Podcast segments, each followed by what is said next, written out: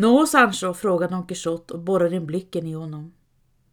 Tre lynchade män på en gren i skogen och hundratals skjutna och gasade i ett nafs i nazisternas helveteskamrar. Åh, det är fasansfullt, Don. Man skulle kunna tro att vi inte lämnat den barbariska fasen ännu. Don Quixote släpper honom inte med blicken. Vad Don? Vad stirrar du på?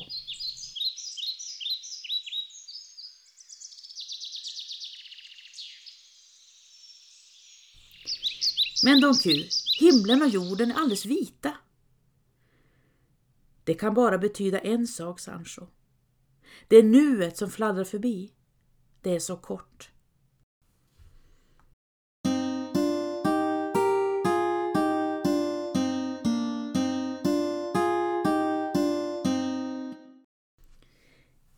Är framtiden verkligen vår?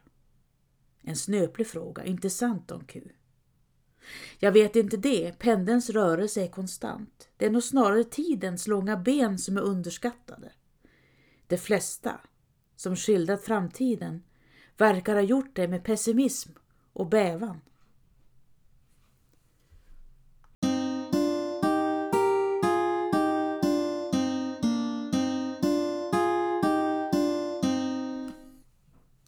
Elsa Beskow Dr. Krokamundus uppfinning 1919. I landet Kringelikroken är man långt före oss i allting. Telegraf, telefon, grammofon och flygmaskiner har de haft i århundraden. Där är det bra på att göra maskiner och nästan allt görs med maskin där. För hundra år sedan bodde där en mycket lärd man vid namn Dr. Krokamundus. Han var känd för sina märkliga uppfinningar och var kungens närmaste rådgivare. I hans hus måste alla gå omkring med filttofflor för att inte störa honom. Den lärde mannen var enkling och hade en son, Petrus. Hans huvud var lika fullt av upptåg som hans fars var av uppfinningar. Doktor Klockamundus hade inte tid med honom eftersom han hade så mycket viktigare saker för sig. Doktor Klockamundus uppfinner uppfostringsmaskinen. Barn sätts i celler där mat serveras i en lucka och högtalare böjer verb och skriker formler.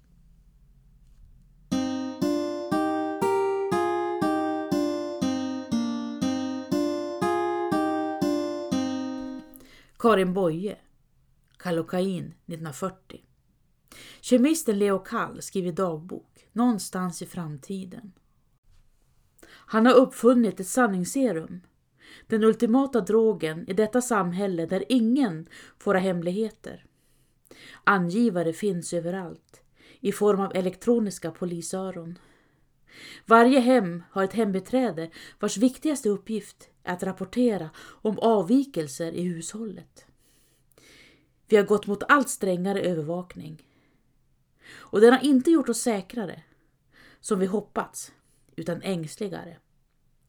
Med vår skräck växer också impulsen att slå omkring oss.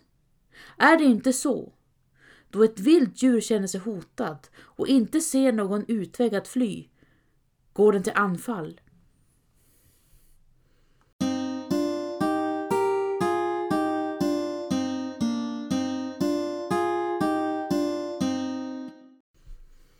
George Orwell 1984 Storebror ser dig.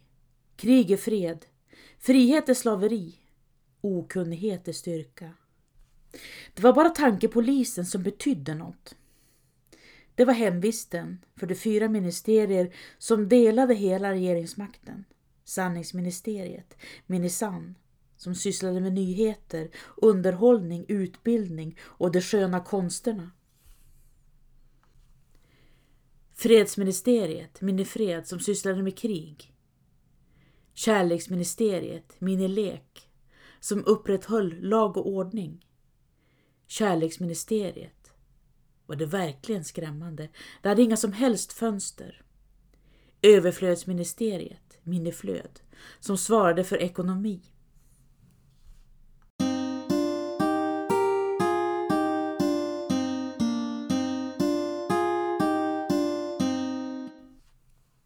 Margaret Atwood. Tjänarinnans berättelse. I en framtid där krig och föroreningar har gjort nästan alla kvinnor sterila har en religiös falang tagit makten. Fertila kvinnor hålls som barnalstringsmaskiner i ett försök att återbefolka och kontrollera befolkningen.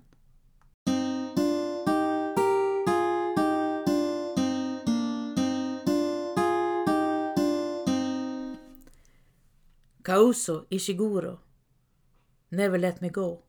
Hallisham må på ytan likna en vanlig internatskola men är egentligen en internatskola för kloner som skapats för att donera bort dess organ. Varje donator kan användas två till fyra gånger innan det terminerar.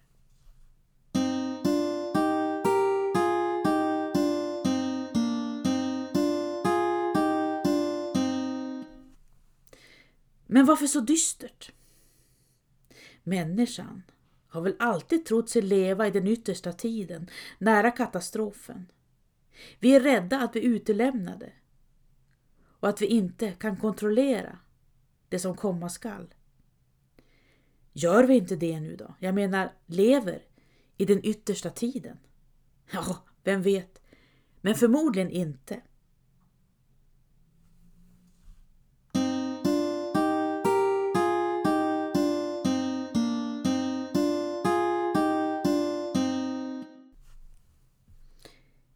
Om vi tänker oss 200 år framåt. Hur ser livet på jorden ut då? Eller finns jorden kvar?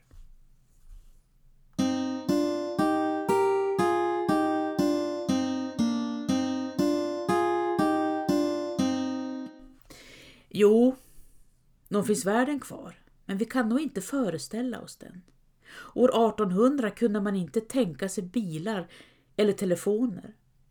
Och 1900 kunde man inte tänka sig TV. Och 1950 kunde man inte tänka sig datorer och mobiltelefoner. Om 200 år? Ja, vi kan nog inte ens gissa hur världen ser ut om 200 år. Förhoppningsvis är det en bättre plats.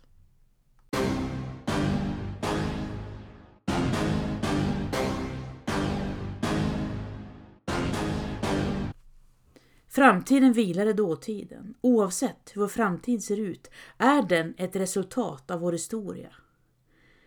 Djupt, Don Q.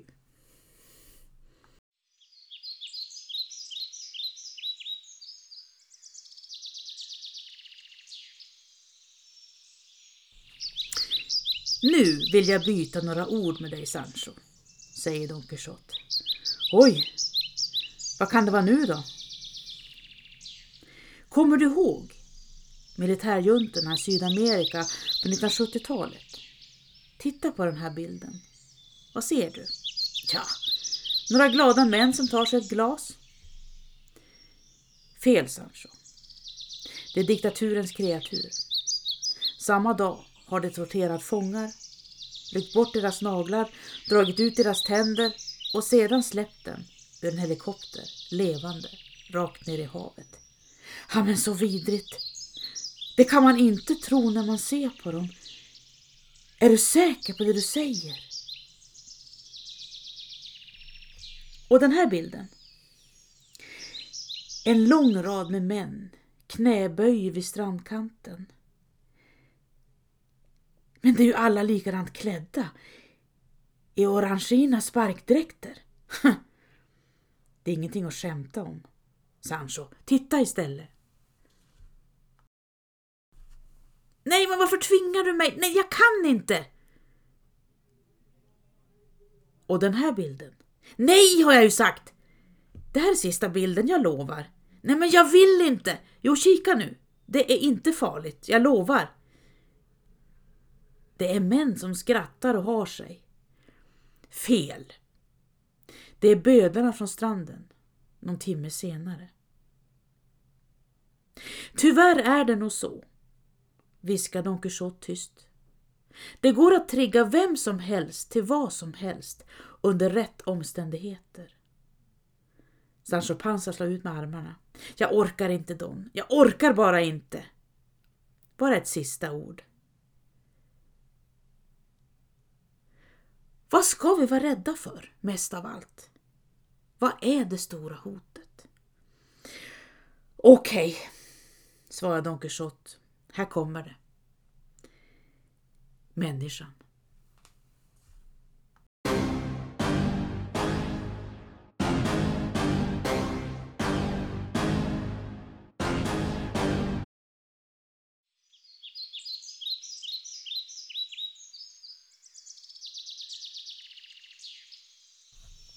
Ingenting. Vad? ropar Don Quixote. Framtiden ligger blank framför oss. Vad har du nu hittat på? Fast du har rätt, svarar Don Quixote. Blank är rätta ordet. Ordet är blank, säger Sancho Panza. Sluta härmas. Vi är väl inte Bill och Bull heller? Och in i vindmöllan med sig. Det börjar bli sent. Vindmöllan var det ja. Sluta härmas, sa jag ju.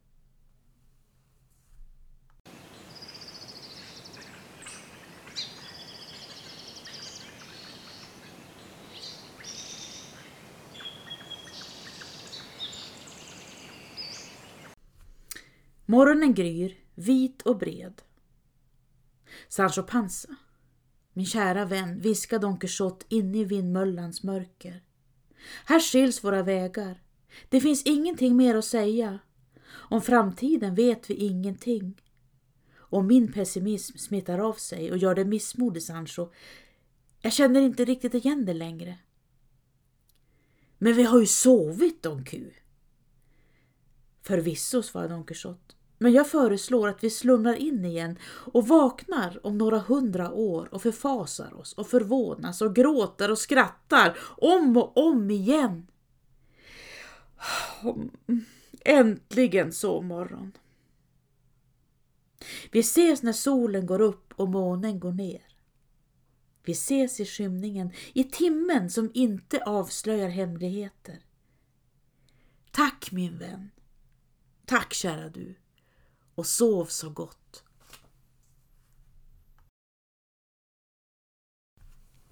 Och är det så att du fortfarande inte kan se dem beror det nog på att både Don Quixote och Sancho Panza redan har somnat.